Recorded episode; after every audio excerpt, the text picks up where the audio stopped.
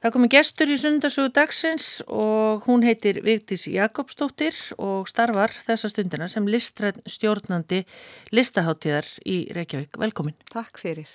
Þetta er svolítið flottur titill. Þetta er mjög flottur titill og, hérna, og það er líka mjög flott að yfirmanniska stofnununar beri þennan titill listræn stjórnandi Já. en ekki forstjóri eða framkvæmdastjóri eða eitthvað slikt því að hérna, þannig er það var tekinn pólitísk ákvörunum að, að yfirmanniskan hefði listrætni í tillinum að það er, það er listin sem ræður för. Já, mm. en svo er annar sem að sér um svona framkvæmda hlutina, eða hvernig? Já, ég, hún vinnur með mér um Fjóla Dag Sveristóttir sem er algjörlega hérna, mín manneskja, við erum hlifi hlið í þessu. Já, við ætlum að tala um listaháttið eftir, viðtis, en við ætlum að byrja á byrjunni uh, Ísverðingur. Já. Þú fætt á upphælun á Ísafjörði?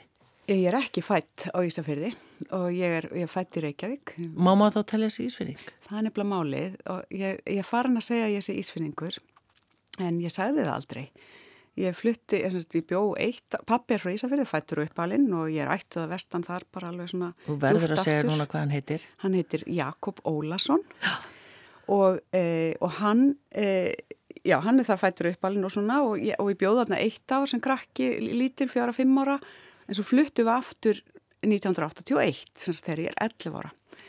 Og e, þannig að ég var þarna frá 11 ára aldri og fram yfir mentó en ég aldrei þá talaði ég um mig sem ísfyrðing, ég var alltaf einhvern veginn, það var alltaf eitthvað flókisvar þegar ég var spurt hvaðan ég væri. Já. að því að mamma er frá höfni Hortnafyrði hún heitir Eiklo Eymundsdóttir og á svona mjög sterkar rætur þar og hérna langa langa við og langa langa við voru svona frumbyggjar á höfn og, og það bara svona, já mjög djúpa rætur á höfni Hortnafyrði líka. Já.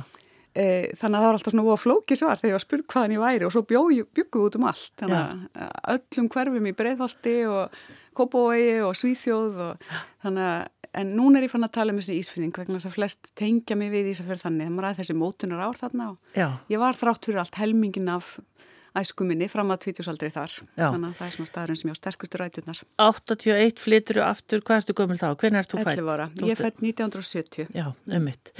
Hvað hérna, af hverju fluttuðu þú aftur vestur? Varstu, var það út af atvinnu eða? Já, ég meina í raun og veru, já, og það, amma og afi voru þá að lífi og, og hérna við fluttum til þeirra og það var búið að vera bara svolítið svona eh, hérna flakk, vinnuflakk, verið að leita vinnu og pappi smiður og hérna og eftir að mamma fór að vinna var hann að vinna svona við ími störf og um, hefði krakkarnir voru svona orðin og stórt til þess og það var alltaf verið að flytja til þess að fara í eitthvað nýja ævintýri og nýja vinnu og svona en uh, ætla hafi ekki bara kallað svo komið, við vorum búin að vera þessi ári Svíþjóð, tvö ári Svíþjóð þarna undan og gekk ekki alveg nógu vel hjá engu okkar eiginlega þannig að uh, það var bara fínt að koma svo í faðum fjallablára eins og það er kallað. Þeir eru þrjú sískinni? Já, Já. Ert þú, hvað ert þú í rauðinni? ég er elst og uh, svo uh, bróður minn Óli Pétur, eh, bara einu og hálfu ári yngri en hann er nú látimblæsaður fyrir næstum áratug síðan uh, og svo á ég bróður sem er fætt í 79 og Alli Þór sem er sjúkraþjálfari og býr á Ísafyrði með stóra fjölskyldu. Nú, þannig að Vigdís og fjölskylda geta alltaf skellt sér að estu. Já, já, estur. Svo átti ég nú lengi sko tengdaforeldra á lífi sem bygga á Ísafyrði líka þannig að sóttum mikið vestur og höfum alltaf gert fyrir nokkur sem ári. Já, það er einhver romantíkarna. Já, þetta er bara aðeinslegu staður. Já, ummitt. Hvað hérna og hvernig uh, stelpa var Vigdís? Erfitt fyrir því kannski að meta það en... Það er mjög erfitt hérna, að einhvern veginn sjá sig úr, úr hérna, frá deginum í dag og horfa aftur og reyna að sjá stelpunar vitisvar. Ég held ég hafi svolítið móta staði að flytja svona mikið. Ég fór í sjö grunnskóla, ef allt er talið. Það eru pína svindla því ég telt tvo skóla og Ísafyrði sem að þegar maður skiptum stig og fór í gagfræðaskóla.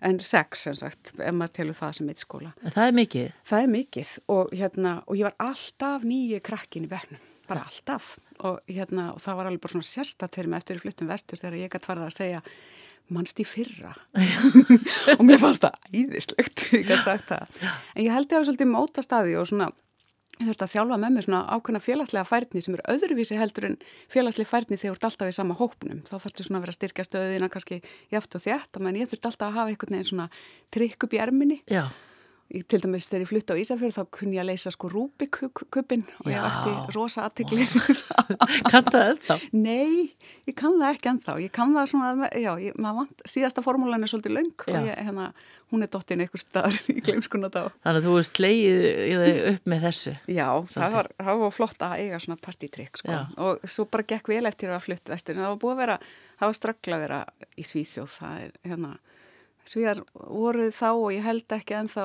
neitt sérstaklega hrifnir útlendingum. Nei, einmitt.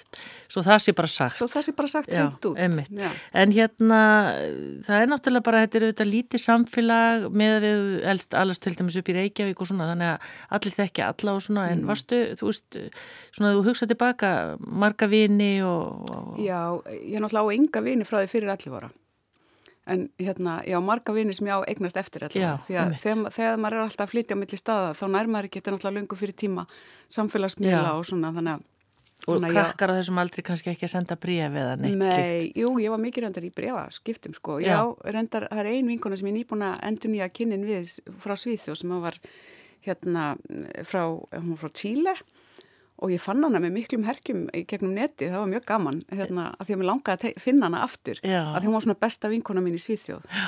og hún var þarna sem pólitískur flottamar, við byggum í miklu inflytjanda hverfi í Malmö fyrst. Já.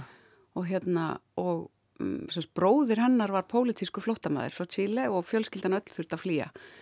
Og hérna og hún var tveimur árum eldri en ég og við náðum rosa vel saman. Þannig að jú, ég líði því þegar ég segi ekki vini frá því fyrir 11 ára, því að já. hana og hérna e, þó að við séum náttúrulega bara í svona einhverjum tölupóðsamskiptum en fallegt samt, mér stæðislegt en, en sérst þá frá þessum 11 ára aldrei þá eru bara og það eru vinni sem búa en þá fyrir vestan eða hvernig? Já, eitthvað fyrir vestan en þá en svo, já, já, ég hef mjög góða vinni hérna sem að frá Ísafyrði sko, já. algjörlega. Og mentaskóla árin, skemmtileg? Mentaskóla árin, mjög, mjög skemmtileg. Ég valdi að fyrir rest að vera í mentaskólanum á Ísafyrði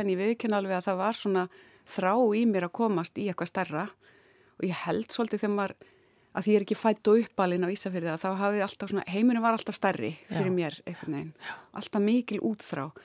En það var bara ekki praktíst og það var of dýrt bara að fara í nám þú veist, fara með langa á laugavatnið á mentaskólinu Akur Eikstar þar sem væri heimavist.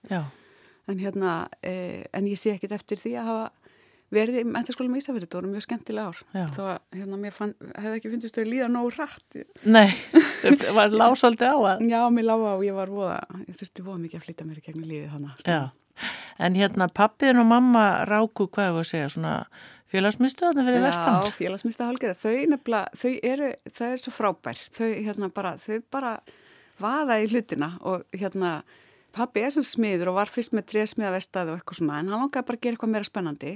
og það vantaði á þessum tíma skyndibitastað á Ísafjörð. Og hann bara á samt félaga sínu sem var nú fljótt svo og, og þau vinahjón tvö tóku sér saman og ákvaða að opna Tomma Hamburgerstað á Ísafjörði Og fyrir þá sem eru að hlusta, hvar var hann? hann þetta var, já, hérna hann var í Mánagötu 1 hérna sem að e, setna var svo e, hérna á Eyrinni hérna, eða Eyrin hérna skemmtistæður, núna er þetta svona gistiheimili. Og Mánakaffi var þarna í gamla gamla daga en hérna e, pappi og mamma sérst opnaði þennan stað með vina hjónum sínum þau svo bara innan ásið eftir bara eitt ár voru þau e, bara þau keftu þau út þau hérna hend, þetta hendaði þeim ekki. Þannig að mamma og pappi rákuð þennan stað í tíu ár svo stækkaði hann bara stækkaði og og þetta var orðið svona margskiptur veitikastæðar með fínum sal, með þjónustu og konjakstofa, efrihæðinni og, og svo pitsur og pítur og allt sem þú gafst hugsaði svona í skyndibita, þetta var heilmikið æfintýri. Og var þetta ekki fyrir ykkur krakkarinn svolítið spennandi? Jú, þetta var mjög, hérna, var mjög gaman og mikil vinna náttúrulega, mamma og pappi náttúrulega unnu, þau eru svo hérna dugleg að þau, það er svona gekk þetta. Já.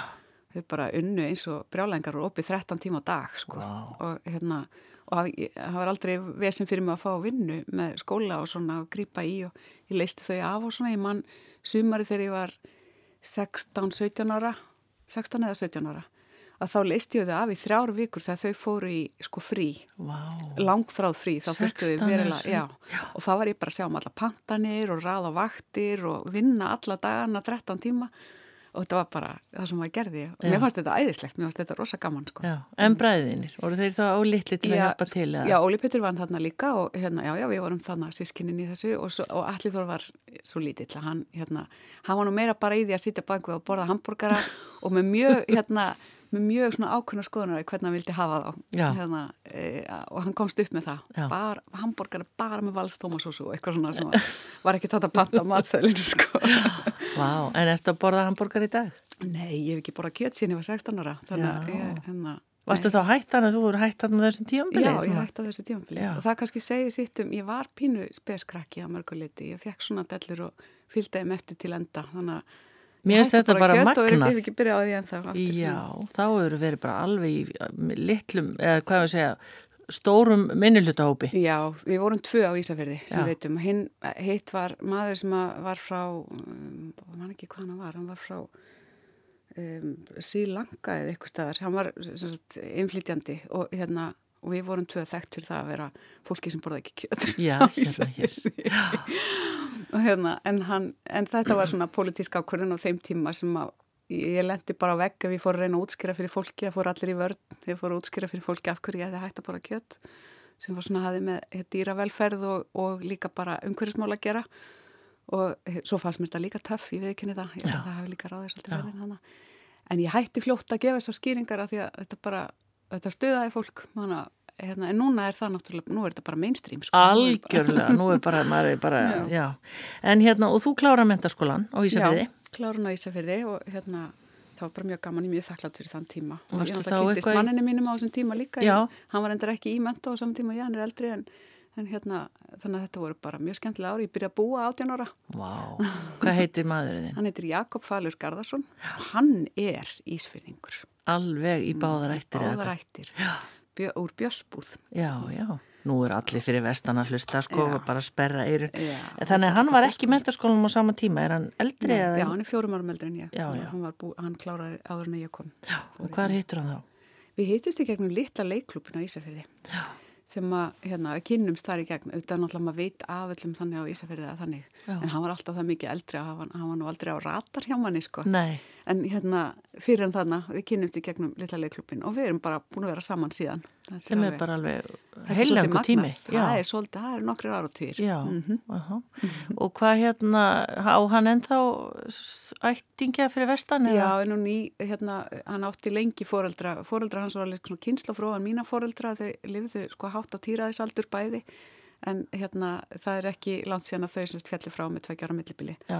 En hérna, já, æðislegt fólk hérna Jónina og Garðar í Björnsbúð Já, ummitt Hvað var Björsbúð? Var það húsi? Björsbúð var Vestlun. Já, Vestlun. Og hérna, hún var rekin í næstu því hundrað ár af sömu fjölskyldinni. Að hún gekk í ættir og, og stoppaði þarna með gardari, eh, hérna, sem að honum fannst nú erfitt. Hann var komin á áttræðisaldur þegar hérna, hann stegi út úr Vestluninu og það var enginn til að taka við henni. Já, já en það var bara eh, hann, já það var erfitt en um leiðu bara, veist, það var bara skiljanlegt það var breytir tímar já. það var hann að 97 þegar hann hættir og þetta búð, var þetta búð sem allt var til í? Já, þetta var svona pínu svona eins og melabúðin á Ísafjörði Já, um mitt hérna, já, eh, mjög hérna góð þjónusta búðin þekkt fyrir það og þarna var fólk í reikning já. lengi fram eftir miklu lengur heldur en það tíðkaðist og hérna e, og alltaf ætti að redda öllu eitthvað svona sér pöntunum og þörfum og sendingar í skip og kostur í skip líka og, og hérna margir sem heldur treyðu björsbúð alveg alltaf þó að það væri kannski ölliti dýraraðastundum heldur heldur en í láfuru vestlunum sem komið setna Já, já, fólk leti að hafa þetta það þægilegt bara. Já.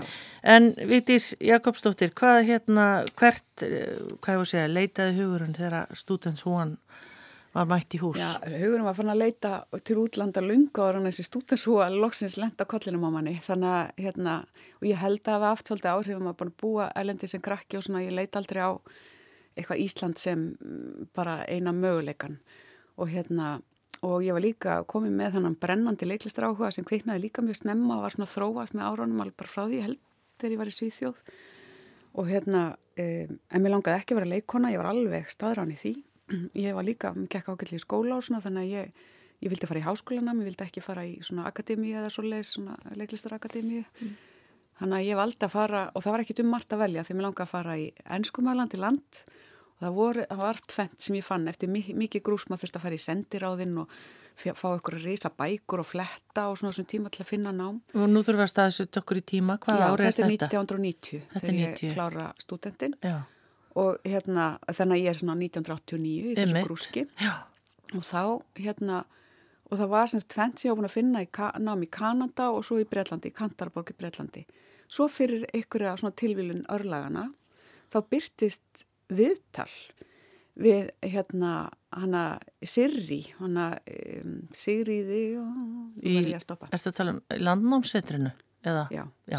Verða Sigríður, uh, býtunum við? eh, Já, fyrir einhverja algjöra tilviljun örlagana að þá rekst ég á viðtal þegar ég stenda á þessum krosskutum og að leita mér að þessu námi og búin að finna þessa einangra þessa tvo möguleika í Kanada, annars vegar og Breitlandi hins vegar að þá rekst ég á viðtal í mokkanum við hana Sigriði Margréti Guðmundsdóttur sem að þá var ný útskrifið sem leikstjóri. Eh, hún var stóð á fertugu eða eitthvað á þessum tíma hún fór svona seint í námi að þannig úr þessu námi í Kantarborg og mærir það svona rosalega í, í mann sko Hlín Agnars tók þetta viðtali átti þetta lengi Já. að þetta var svona pínu svona eins og bara eh, universi væri að senda mér sko það þú ætti að velja Breitland Já. Og, við erum að tala um Si- Sirri í landnámsetrinu. Við erum að tala um Siri í já. Og hérna, e, og þannig að hún hafi verið í þessu námi og talaði svona ægilega vel um það og þannig að ég endaði að sækjum þá, þetta var eina námi sem ég sóttu um í og það komist bara 16 inn, þannig að þetta var svona ferli eitthvað og ég komst ekki í intöku, ég var í stúdensprófum þegar voru ykkur intökupróf eitthvað og ég fekk eitthvað undan þá og fekk að fara í viðtal og eitthvað svona, þetta var svona pínu prósess. En hérna ég fekk yngungu með einhverjum skilurum að ég næði einhverju ákveðinni engun á stúdensprófi og eitthvað. Fengi yngungu en ekki í námi sem ég vildi, heldur ég eitthvað svona sam, samsett nám sem væri bara þryggjára nám og ég var náttúrulega ekki sátt við það þannig að ég bara kerði það mjög hart eftir ég var komin á staðin að ég fengi samt að sitja sömu kursa og þessu sem var í fjárarnáminu og þau hérna gáf eftir og lefti mér inn í námi þannig að ég fekk svona undan þá og sagt þú kemst inn ef þú stendur þið vel á þessari önn. Og ég bara kerði hart á það og komst inn í námi svo um áramótin endanlega og bara fylgdi mínum hérna jafningum þarna í þessu 16 manna hópi Mm. út þessi fjögur ár. En hvað, hvað gastu ný, nýttir? Littla leikfélagið? Já, litli leikluburinn var náttúrulega þarna, þú veist, ég var búin að fá reynslu, ég var búin að vera leikstýra, þú veist, ég var búin að leikstýra síningum bara og búa til götuleikus og gera alls konar á Ísafyrði. Og reka veitikastað og... Já, já, og ég var bladamaður líka, veist, ég var bara með alls konar reynslu sem kannski jafning, jafnaldra mínir frá Breitlandi voru ekki með, þannig að ég held að það hafa nú alveg unni með mér hana. Já. Og hérna, uh, og um, þannig að þetta var, þetta voru bara fjögur mjög dýrmætt ár, mjög krefjandi nám og hérna, mjög svona akademist samhlega því að vera mjög praktist og ég hef alltaf sagt að, hérna, ég hef alltaf þakka fyrir það að standa, að vera með þessi fjögur ár þarna eh, svona sem kjölfestu í mínum praksis og sem leikstjóri og bara í raun og veru út í lífið af því þetta var svo, hérna, þetta var svo mikið krefjandi. Já. En hvað hérna fór Jakob með? Jakob fór með og hann svona, hann, hann beigð eftir mér, blessaður, og var bara að vinna og svona á Ísafjörðu og við byrja, byrjum að búa þetta því að lífið gæti ekki byrja nógu fljótt og hérna, og, e, og svo kom hann með mér út og fann sér nám þar, var svona fyrsta árið bara tók ennsku eitthvað svona, en að því að mitt var fjögur ára sem var óvinnilegt, vennilega eða þryggjára nám, að þá hérna fann hann sér þarna nám sem var mjög sáttur í svo stóð sem mjög vel í sem er hérna alþjóða stjórnmálafræði eða svo leys. Já, já, já. Já. En hvernig er þetta? Ég hef aldrei komið að þetta Kantarborg. Já, þetta er æðislega lítil borg, lítil, hún, já, hún er frekar lítil, en hún er í raun og veru stór í þeim skilningi að hún er svo gömul, stend, þarna er stóra domkirkjan sem erkibiskupin hérna situr í Já. og hún svona gleipur svolítið miðbæin, hún er svo stór og svo svona gamli borgarmúrar og þetta var á þeim tíma allavega annar eða þriðji mest í ferðamannastæði Bretlands. Já, Mjög já. mikið af svona pílagrímum sem koma frá hérna frá Evrópu og hérna fólk sem kemur í dagsferði frá Fraklandi og svona því þetta er stutt frá Dover Já. þetta er þarna alveg á suð, suðvestur hodninu stutt frá London eða bara veist, á þeim tíma klukkutími rúmur að einn og halvur að fara með lest til London þannig að maður gæti farið í leikhús og komið heim um kvöldið og Já, já. þannig að þó, það væri nú, nú svolítið fyrirtækið þá var það samt mögulegt og um, já þannig að við vorum vorum þarna í þessi fjögur ára bara byggum leiðin litla íbúð og hérna, þetta var bara mjög góð ár. Já, og þetta eru þetta fyrir börn? Já, þetta er fyrir börn, já, já, ég var bara tvítuð þarna og við fórum hann út. Þannig að um, það, já, þetta var bara, ég er mjög þakklátt fyrir þetta tímabill. Já, og, og hvað útskrifastu þá með? Ég útskrifast með, sko, B.A. Ornóskráðu í uh, leikstjórn en ég laði áherslu á, á síðasta árinu sem var alveg svona bara eins og nefndaleikús eða þannig þar sem maður var bara að vinna sín verkefni uh, á það sem á ennsku heitir devising og hefur setna verið þýtt á íslensku sem samsköpunar aðferðir sem ég fann ég ætlaði að vera bara svona klassísku leikstjóri það var það sem ég stemdi á og það var námi sem ég, það var það, það sem ég ætlaði að velja mér í upphafi en ég enda á því að, að hérna að finna þetta, að finna það að ég ætti betur heima í þessum samsköpunar aðferðin sem snýst bara meira um samstarf frá grunni með öðru listafólki. Ekki þannig að þú fáir eitthvað tilbúið í hendurnar og leikstýrir því og segir leikurunum hvar þeir eru að standa og sitja eða þannig. Heldur að við værum uh, við erum svona uh, snýst, snú, þessar aðfyrir snúast um það að þú byrjar með kannski einhverjar hugmyndir möguleg einhver textabrótið eitthvað og byrð til leikverk frá grunni. Um, Ég er aðeins að stoppa Allt í lagi hósta einna skrítið kemur svona rík í hálsunámanni óþægilegt. Ok. Uh, 586 ég get farið líka í hérna farið í um, byrja bara aftur, ég var svolítið að fælast nei, nei, hérna. þetta var fínt, við erum ekki til að láta þið leiri til þetta neitt. Nei, ok Þannig að hvaða ári er það þá þegar þið komið heim? 94, við ákvæmst að koma beint heim, Jakob var líka, það var, hann sá ekki fyrir sér að eitthvað geta fara að vinna hérna úti og svona og, og hérna, og ég var líka bara til í að koma heim mm. um, og við komum hann að 94 og ég með þessa gráðu frá útlöndum með mentaskólapróf frá Ísafyrði og með svona null tengslanet í íslensku leikúsi, ég fekti engan. Bara lesið viðtal við sér í. Já, og ég reyndar, ég, ég man, ég ringdi í hana líka, ég held ég að ég ringdi í hana og hlín með þess að líka, hérna, þegar á þessum tíma, þegar, já, ég, já, svona, gaf mér góður áður svona þannig. En hvernig er það að koma einhvern veginn og þekka ekki til? Af því að maður heyrir sko, auðvitað, margi sem bara alast upp sem mm. börn í leikúsi og mm -hmm. oft sem að börni verða líka leikarar og eitthvað svona en, en fyrir viðtísi Ég náttúrulega var alltaf nýju krakkin í bernum þannig að þetta var ekkert nýtt fyrir mér. Nei. Eh, hérna, þannig að e, ég bara, núna skilji þetta ekki alveg en, hérna, en þá var þetta bara, þetta var bara næsta skref nú bara tekst ég á þetta og, og ég bara óði í það að það var frekar auðvelt á þessum tíma að fá svona, að koma, það var ekki margi með leikstofnumentun og hérna e, og frekar auðvelt að komast í að leikstýra og leiðbina í framhaldsskólum og í áhuga leikfélögum og ég bara gerði það, ég mann fyrsta veturinn ég leikstyrði þremurst síningum sko. Og hérna um, byrjaði vestlunarskólanum og fór hérna svo Ísafjörð náttúrulega og sett upp á Ísafjörði eina síningum með unglingadeildinni þar í leikfélaginu og, um, og svo fór ég á Selfoss, þar sem ég reyndar þekkti sko manneski sem hafi verið á Ísafjörði sem var þá formaði leikfélagsins. Þannig að það var svona, sett upp Íslandsklukkan á Selfossi.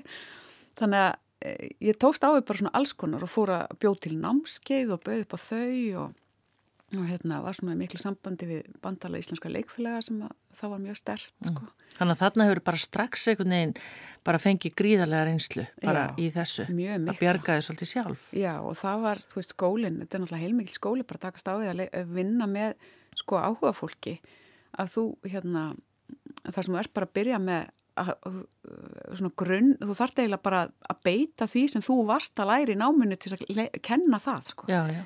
Og hérna það er, það er ekki til betri skóli en að kenna. Nei, einmitt. En, en það hefur gert mikið af því gegnum tíðina. Já, en vitist það er svolítið sérstætt er það ekki þegar maður vil, sko af hverju vildur aldrei verða sjálf leikona? Vissur bara einhvern veginn að þú erið betri í þessu eða hvernig? Já, ég bara er ekki góð leikona ég, hérna, ég er ekki góð í því að um, að standa og vera eitthvað annað en ég er og, hérna, og það er og gild, þetta gildi líka eins og ég, ég hef átt sagt að ég, ég er ekki góð sölumanniski heldur af því að þá er maður svona að selja eitthvað sem, eitthvað sem er ekkit endilega eitthvað sem maður trúir á sjálfur.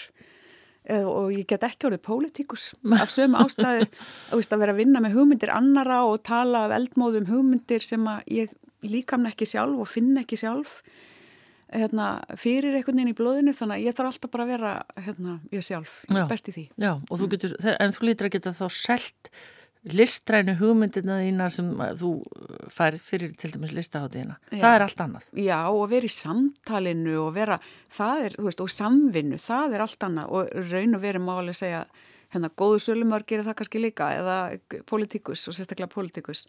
En hérna, já, það er allt annað, sko. Já. En þetta með, nei, en ég dáist óendanlega að leikurum. Þetta er, þetta er ótrúleg starfskrein og hérna, ég ber alveg svakalega virðingu fyrir þessu fólki Já. að geta farið svona inn í tilfinningaheima sem, og tengja sinna eigin tilfinninga við og svo bara auðsa úr sálusinni fyrir framann fólk til þess að það getur svo lært og notið og þetta er dásamlegt já, sko. já, og við skulum eiga þetta fólk sem er til í að gera þetta. Já, og þetta er náttúrulega hjá mjög mörgum bara köllun bara, en, en það er 94 eru og þú segir svona, tekur að þeir alls konar verkefni þá út um all land en var fastur, eða þú veist, keftið ykkur húsnaði í Reykjavík Við keftum litla íbúi í Norðamýrinni Já og hérna, og Jakob tók að sér fór í sölumannastarf hann að fyrst Já, hann getur sérst Já, hann er góður í þessi sko.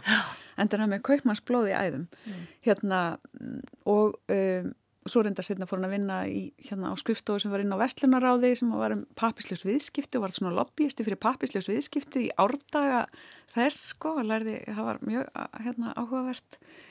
Uh, en ég var semst bara, ég nautist á að geta frílansað, þannig að ég var náttúrulega, þarna var bara Jakob stólpi minn eins og svo oft áður og, hérna, og eftir í lífinu uh mhm. -huh. að hérna að við sko reistum okkur ekkert hurðar á sem auksl, við bara keftum íbúð sem við reyðum við að kaupa og hérna hún kostiði sko, var sett á hana 4,1 og við fengum á hana 3,9 no. eða, nei, kannski var það 5,1 og við fengum á hana 4,9 það var sannlega þannig, Já. alveg sama það er aðeins svona, aðrir penningar í gangi Einmitt, og, en þetta hefur verið startið, eða byrjunin? Já, þetta var byrjunin og hérna og það var bara, og við reyðum við þetta, við liðum ekki tátt, þetta var bara, við vorum bara mhm. -huh hérna, gátum verið að sinna því sem við vildum og Jakob fekk nýtt og betra starf svo og svona Já. og hérna og svo og ég var í þessu frílansi og ég var svona sett í fótinn, ég var svolítið svona bankadittnana þetta í stóru leikursuna það var vettvangurinn. Á þessum tíma þá var sjálfstæða senan ekki ekki svona stóru öflug eins og núna. Nei. Núna náttúrulega bara tækifærin eru allstaðar og sjóðirnir, styrta sjóðirnir ekki svona öflugir eins og þeir eru núna þó að segja með alltaf gott bæta þá samt þetta var bara annar veruleiki þarna Já. og svo var ég að koma utan með líka bara þessa devising hugmyndir sem að voru bara ekkert í gangi hérna þannig að ég var að reyna að útskýra þær og, og, og hérna, já en, en það var einfaldar einhvern veginn að fara bara og byggja um fáum að vera aðstofalegstjóri Já. Og, og hver gaf við þessi tækifæri? Það var Stefan Baldusson, hann á það skuldlaust, hann hérna opnaði dyrnar fyrir minni í þjólikúsi, ég veit ekki af hverju hann ákvað það, sennilega bara það var ekkit algengt að væri mentaðir ungi leikstórar að berja á dyrnar sko, hérna þannig að 96 strax að þá er ég, hérna þá fekk ég tækifæri að vera aðstórleikstóri á Kolbrúnu Haldarsdóttur í svona söngleik sem hann settur upp á smíðavestaðinu sem það var, eh, svolítið stórt verkefni fyrir smíðavestaðið með Hilmisnæ og Steinu Nólinu og Hvað hétt það? Svona, hétt Hamingiránið, það var eftir Bengt Alfoss Já.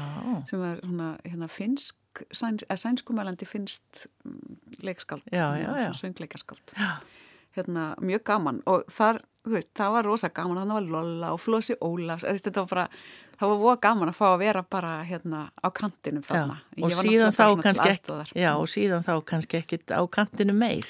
Nei, þjóðlugúsi var þeila mér þykir svo ótrúlega vænt um þjóðleikursi það var bara í mann þegar ég var lappa í vinnuna þarna, alveg þarna frá uppafi og öll árein sem ég var þar svo að hérna bara, mér leiði alltaf eins og ég var að ganga bara inn í hérna einhverja eh, undraveröld og höll sko já. og draumast af Já, það er, eitthvað við þetta hús. Já, það er eitthvað við þetta hús og það er eitthvað við sko hvernig, uh, veist, og það tengir svo sterkum böndum líka sjálfstæðisbaráttunni að við, hérna, að við skulum eiga þjóðleikús sem var opnað 1950 er bara magnað. Og veist, Breitland átt ekki þjóðleikús á þessum tíma. Nei, það kom setna hjá þeim.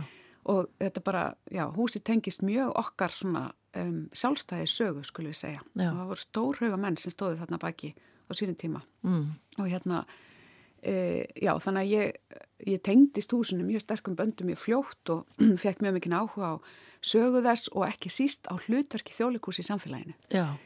Og, hérna, og allt er þetta grunnurinn viðtis mm. að því sem þú ert að gera í dag finnst já, manni. þegar þú ert að segja frá í sko. raun og veru. Og það er svo ótrúlega að maður veit ekki hvað liggur eh, fyrir framann mann sko í lífinu en svo þegar maður lítur aftur á fer maður að sjá hvernig allt vefst saman og hérna, bera einhvern sem maður áttaði sig ekki á að væri Nei. í framtíman sko. mm.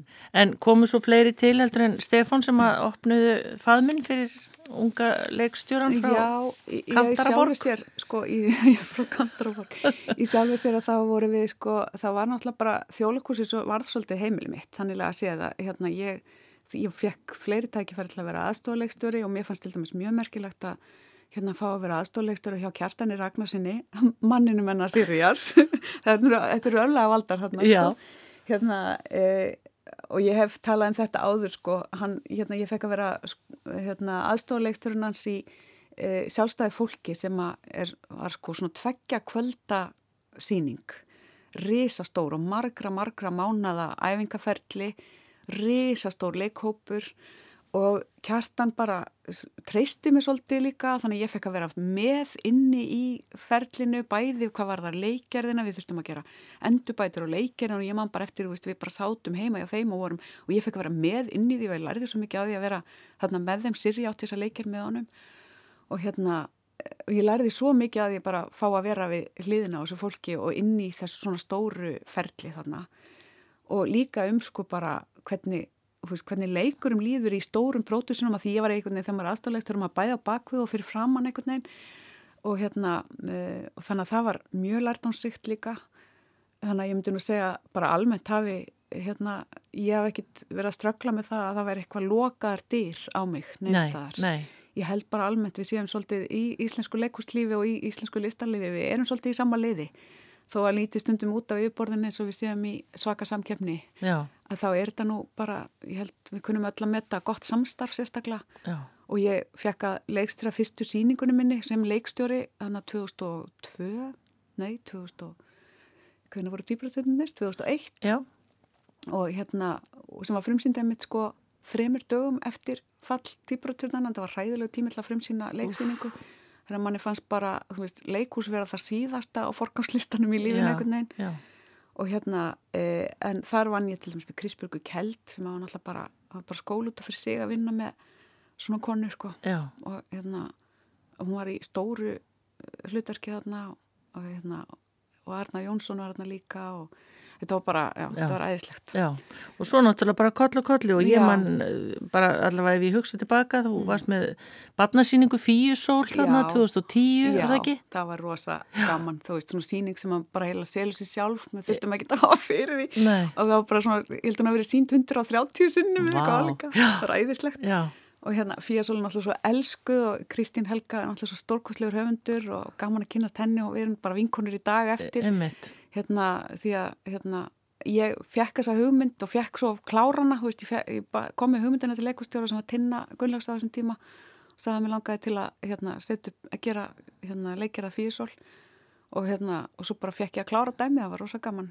Með Kristínu Helgu, það var aðeinslegt Já, við viljum að taka örstu hlýja núna gæstu minn er Vítis Jakobsdóttir listrætt stjórnandi listaháttir í Reykjavík. Við erum að fara svona svolítið á hundavaði yfir líf hennar og störf og höldum áfram hérna eftir smástund.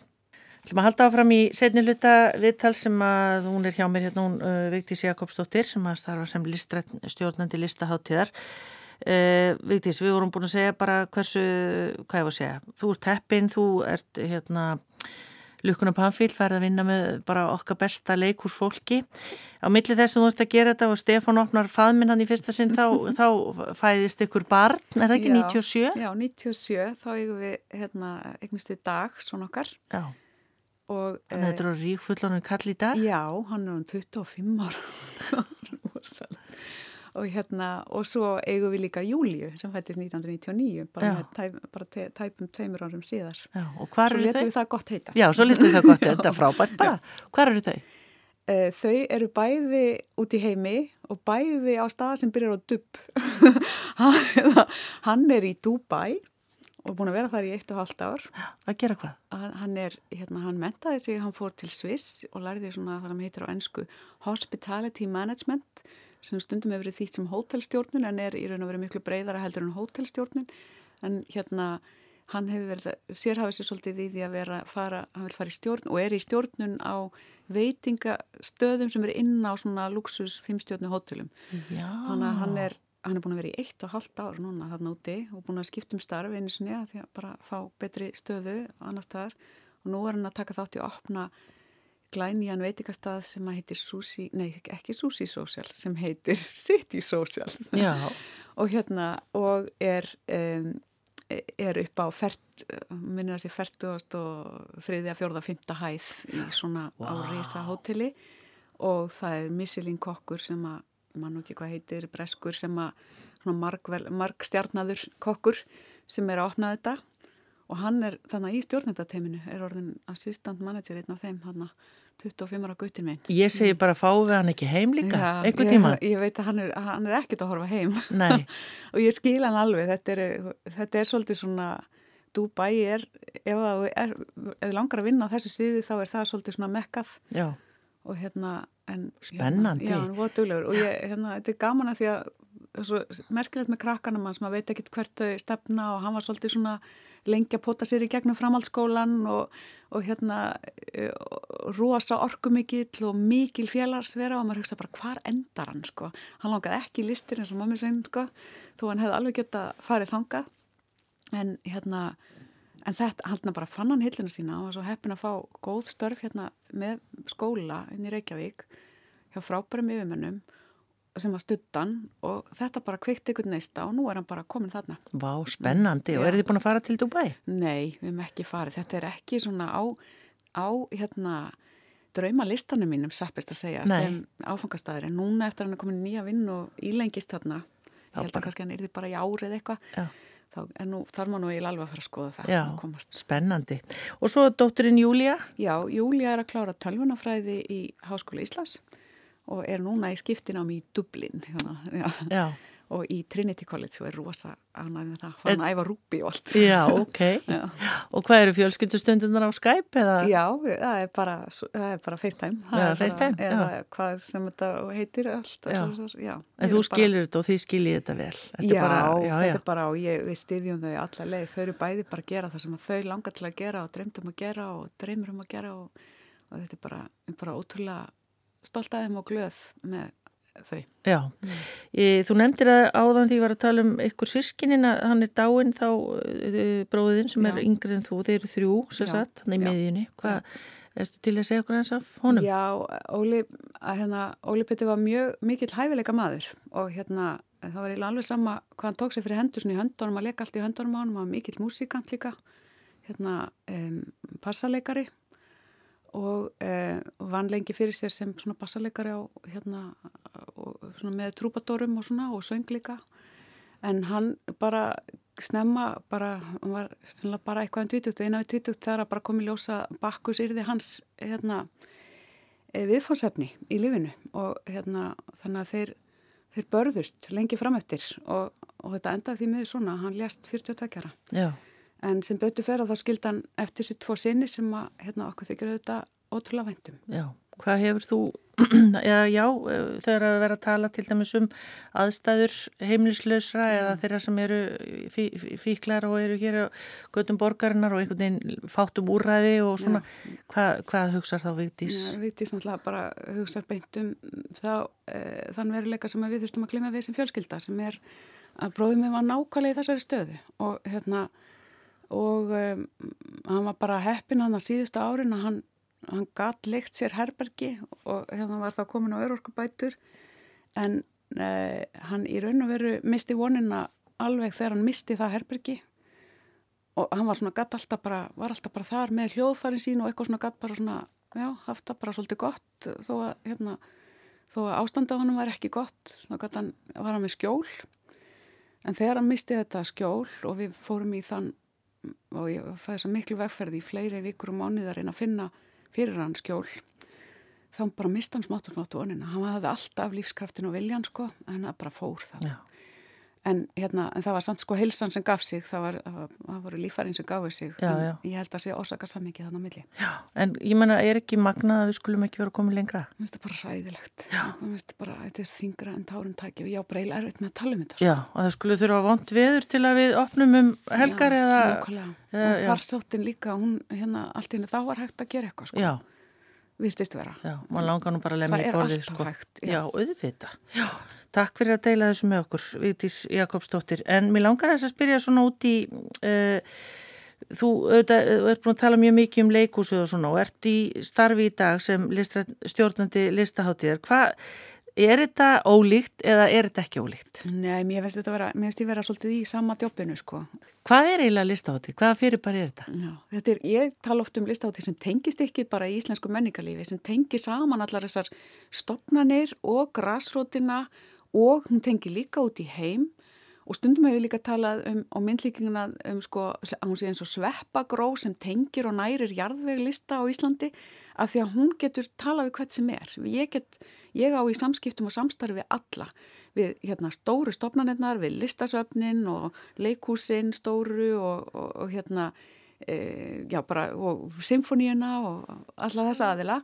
En við erum líka í samtali við græsrótina og mjög virku samtali við græsrótina og, e, og svo erum við að tengja þarna á milli og færa súrefni og hugmyndir á milli og svo út í heim líka og Einmitt, tilbaka. já.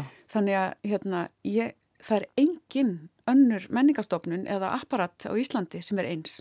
Þetta er bara, og svo skerum við alla listgreina líka, þannig að við erum ofta að tengja á milli listgreina og grýpa verkefni sem að passa ekki annar staðar. Mm. Verkefni sem eru mögulega bara algjörlega að vinna á einhverjum svona, það sem að leggast saman listgreinarnar á einhvern svona ótrúlega áhugaverðan hátt en passa ekki nákvæmlega inn í leikús eða inn í tónleikasal heldur en passa hjá listaáttíð. Já, en er, eins og núna til dæmis af því að þú sko ert að hugsa um þá, þér skipilegja listaáttíð sem verður þá eftir ár. Já.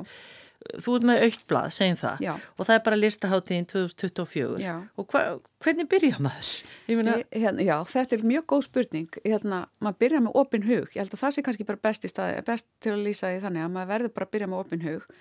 Og hérna, og e, við hefum líka núna frá því að ég tók við þannig 2016 og þá höfum við verið, semst fyrsta hátími var 2018, þá höfum við verið að vinna með bara mjög einfalt þema sem, og mar markmiðið er að bann skilji þemað. Þannig að fyrst var til dæmis heima og núna er það hér.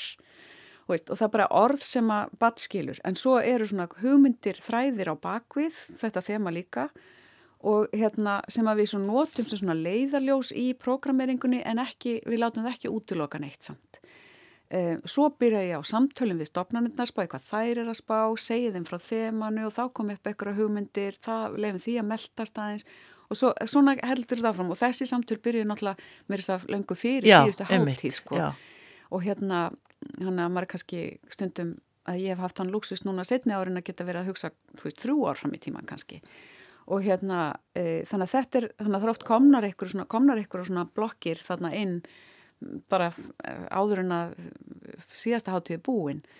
Um, og svo núna erum við með opi kallan við köllum eftir og það er svona meira leið til þess að bara að, algjörlega e, tryggja það að, að öll viti að við séum opin fyrir öll, við erum ekki bara e, hérna fyrir e, þá sem að hafa símanum sitt í símanu sínum. Nei, hérna, við, er, við viljum eh, hérna, ná til allra og viljum að all listafólk geti eh, finnist að geta sótt um að vera með verkefni á listaháttíð og komi hugmyndir inn á listaháttíð. nú er einhver að hlusta segir, og hvað á hann að... Já, núna er bara, það er bara að fara á bæði, bæði heimasíðin okkar og Facebook, þetta er opið núna, þetta er mjög góðu tímapunktur eiginlega því að og það er núna e, 13. mars sem að e, þetta lokar, miðnætti 13. mars. Já.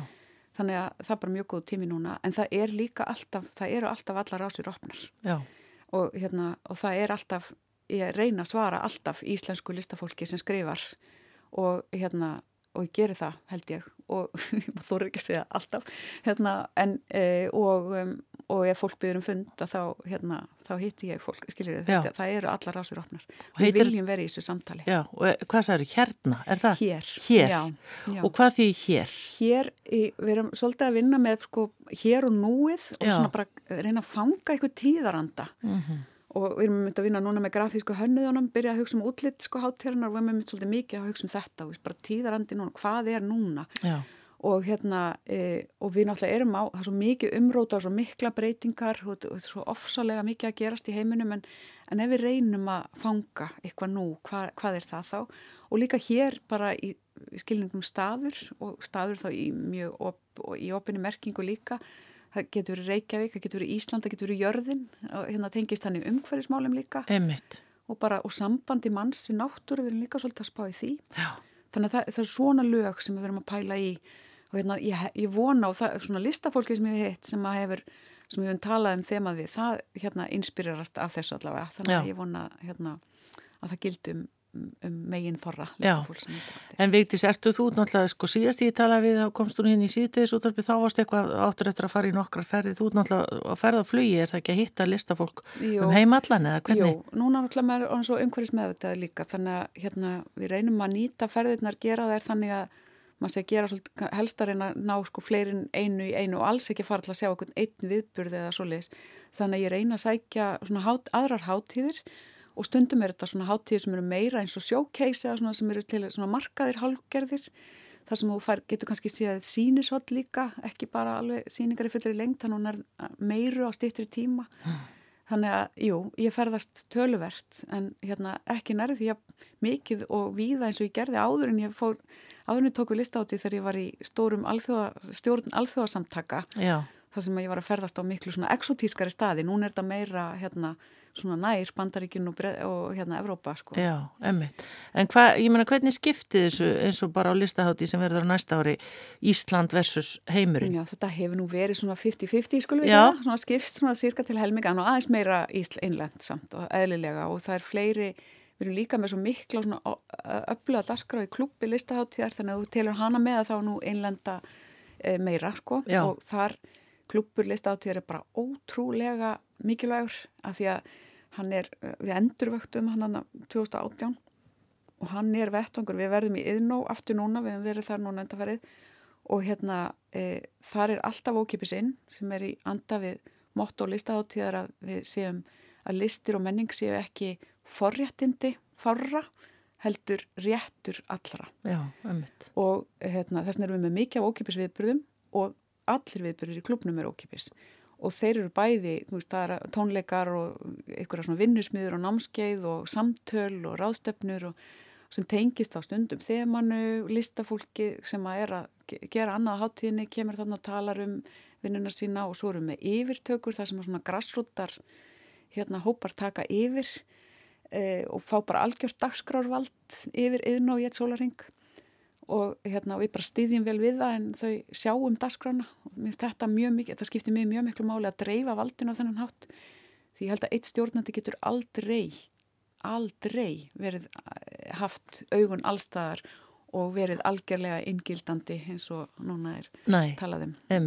Ég, sko síning sem ég sá síðustu list á þetta, tímur sem fljóttur að liða, ég held að potið, var það þarna strand? Hérna, já, það var síðustu, 22. Já, ég, ég meina, sko, annur eins aðtikli, við erum að tala um síningurinn sem var í Hafnarhúsinu, þar sem fólki lág á, á baðströnd, mm -hmm, það var bara, mm. það var hérna röð út á götu bara dag eftir dag. Já, þetta var æðislegt, ha. þetta var akkurat eins og við vildum að væri og þarna skipti máli að það var ókipis inn. Já. og þau sem stóðu vaktina semst, í, semst, þetta var við, viðburður á listáti og listáti sálega viðburðin en við vorum auðvitað í frábæru samstarfi við listasafnið listasafn Reykjavíkur. Og hérna þau tóku æðisla á mót okkur hérna og þau sögðu starfsfólki sem stóðu vaktina þarna í dýrónum þessi röð var bara þarna þúsundir mann sem fór í gegn þarna um eina helgi. Að hérna þau aldrei séð svona fjölbreyttan hóp. Nei Þegar ég var þá á fólk með barnavagnar, það var á öllum aldrei, það já. var einmitt bara svona þverskurður. Mikið inflytjendur, okkur tókst að ná í gegn og það var í kynningastarfinu fyrir þetta verkefni, lögðu við ofur áhersláða ef vera ekki bara á ráseitt og í mokkanum, við, heldur vera fá sko eh, sjónvarsfretta tímana á fleirin einnir rás til að vera með ekki bara á rúf og vera, fara á öðruvísi útastöðar og öð, vera í raun og reyna að ná til fjöldast að því við vissum að fjöldin myndi elska þetta. Og ekki bara vegna að það er eitthvað svona, þetta var svona manngerð baðströnd sem var horfið ofan á og það er skemmtilegt og allt það en þetta er líka bara dýnamist og flott listaverk. Já, þetta er samtíma ópera. Já, já. Og allt þetta fólk var að býði röð eftir þess að samtíma ópera, skoði því. en ég bara með þess að búin að gleyma því hvort maður var með grímu. Jú, ég held ég að eh, var, var þetta akkurat Nei, þetta var bara núna já, við slöpum við það. Þetta var frábært, þannig ertu með eitthvað þú segir náttúrulega ekki neitt núna en er einhver svona, þú veist, sem er eftir að vera bara á Já, við, skulum, ég, við erum bara að sjá með það. Ég, hérna, ég get ekki sagt neitt á þessu stíð og alls ekki gefið neitt upp en auðvitað, jú, það er já, það er, það er sérstaklega eitt sem að ég eh, mig grunar eftir að laða sér þúsundir nýri bæ. Vá, og hún er yfir hvaða tíma? Bill? Hún er fyrsta til, uh, hún er fyrsta til 16. júni, Já. 24. 24. Já, ekki í sumar sem Nei, sagt. en Vigdís, allar, þú veist, maður á aldrei að spyrja svona hvað ætlar að verða svo, þú ert ráðin til 24, Já. allar þá að hætta eða hvað máttu, Já, þú já. verður að hætta eða hvað? Nei, ég, verð, ég gæti, ég gæti, í þegar ég gæti, ég sótt um starfið mitt aftur en ég er búin að fá framlengingu á nauðlýsingar einu sinni og mér finnst bara eðlilegt og rétt að hérna, stjórnendur sitt ekki hérna á, hérna, hangi ekki eins og hundar á róði á störfunum sínum, hérna minnst átta ár frábær tími og eðlilegur tími og ég hérna mun ekki sækjum starfið mitt aftur. Nei, en hvað langar það að gera meira? Hérna, mér langar að gera svo margt. Ég, hérna, ég er búin að ákveða að nálgast þessi tímamót, ég hlakka til, ég hlakka ekki til að hætta hjá listahátti en ég hlakka til að standa aftur á krosskutum og veit ekki hvað kemur næst. Já, Og hérna, uh, og það er uh, í því fælst svona, fyrir mér jákvæð svona dýnamísk spenna sem ég laka til. Og ég er að alltaf gera eins og góðu spunaleikari gerir þegar maður er, ég hef kent mikið spuna þó ég sé ekki leikuna, kenn ég spuna.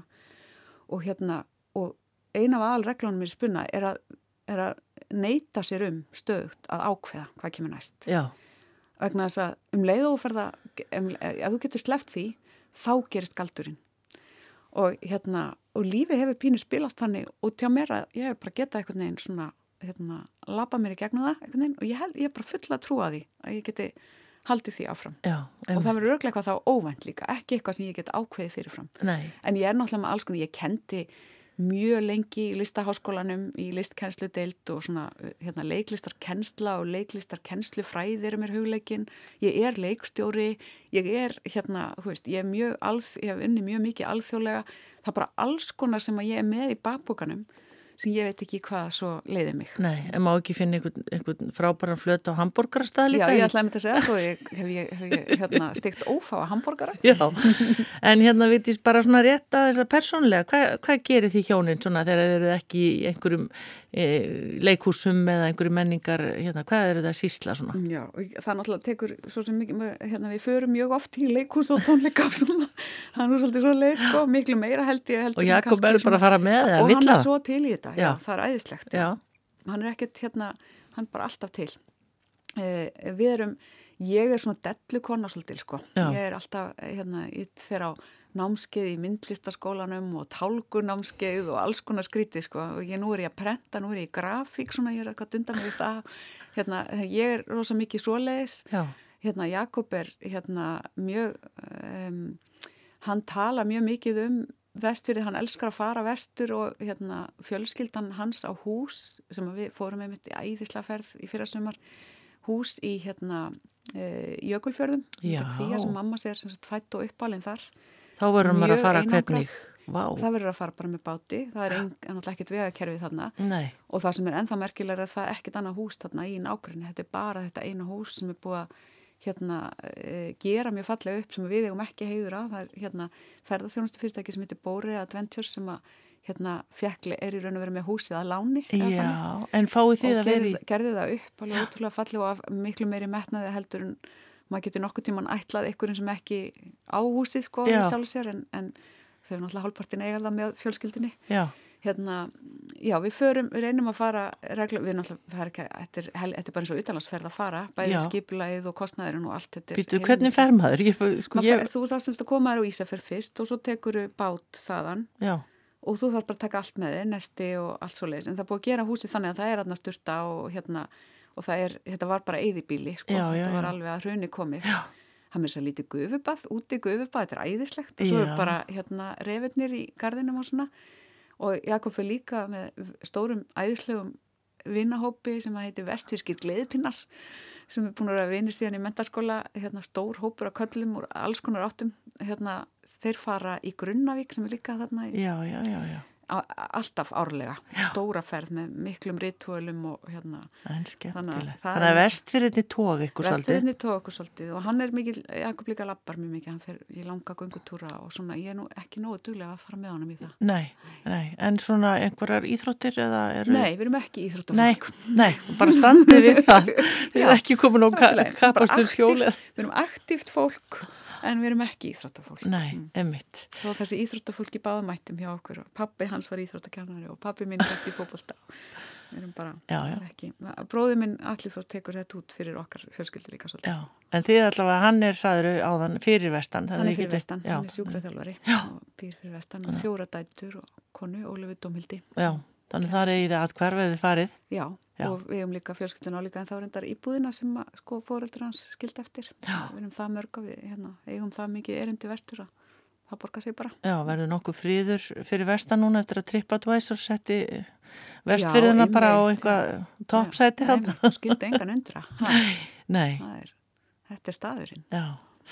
Dásalegt Vigdís Jakobsdóttir, hvenar megu við nú hérna búast við að fá sjá fyrstu drög af listahátti 2024? Já, við höfum haft það fyrir svona sið, það er svona, svona fulltrúarásfundur sem er svona eins, eins og aðalfundur sem er haldinn að hausti í oktober Já. og þá, þá e- höfum við verið, þá höfum við kynnt fyrstu stóru viðburina Mm og svo eh, er nú heildar dagskræðan svona kynnt massa apríl, eitthvað svo leysa Já, næsta ári. já. Þannig að svolítið í það ennþá. Þú, þú Ég ekki vona sér fleiri en þú sem að tindra svona tillökun að heyra hvað er dagskræðan. Já, þetta er auðvitað mjög spennandi, sérstaklega maður var svo, svo stoltur að hérna, það, ég, og ég sé, ekkert svo marga viðburði, en, en þegar kemur eitthvað sem maður getur hugsað sér að fara Já, og svo þegar það er ókipist þá er það ekki endilega, maður sé að græða svo mikið á því heldur, er það kvartning? er. Já, og það er líka sko, það er, listaháttíð er þannig, hún náttúrulega er yfir sko tvær þrjár vikur og hún er alla listgreinar og þetta eru allir, allir stærðaskalar af viðburðum og svona. Það er ekki allt fyrir alla á háttíðinni. Það er enginn sem er að koma á listaháttíð og sækja alla viðburðina. nei, Og hérna, og er, það er ekki mark með háttíðarinnar að vera þannig háttíð. Hún er hins vegar eitthvað svona hápunktur í júni, hérna annarkvært ár þegar að, hérna, og það ættu flestir eða öll að geta fundið eitthvað við sitt hæfi. mm Eitthvað sem að, hérna, eh, er nógu spennandi til þess að, hérna, drífa sig að stað. emitt, þá er tilhjónu náð ef að þetta Já. er svona það sem að læðist inn í hugan. Já, nákvæmlega. hér er yfirskriftin. já. Vigdís Jakobsdóttir, listrætt stjórnandi listaháttíðar, takk kærlega fyrir að koma í sundasögur, takk fyrir innlegnina og bara gangið vel og njóttu dagsins. Takk innilega.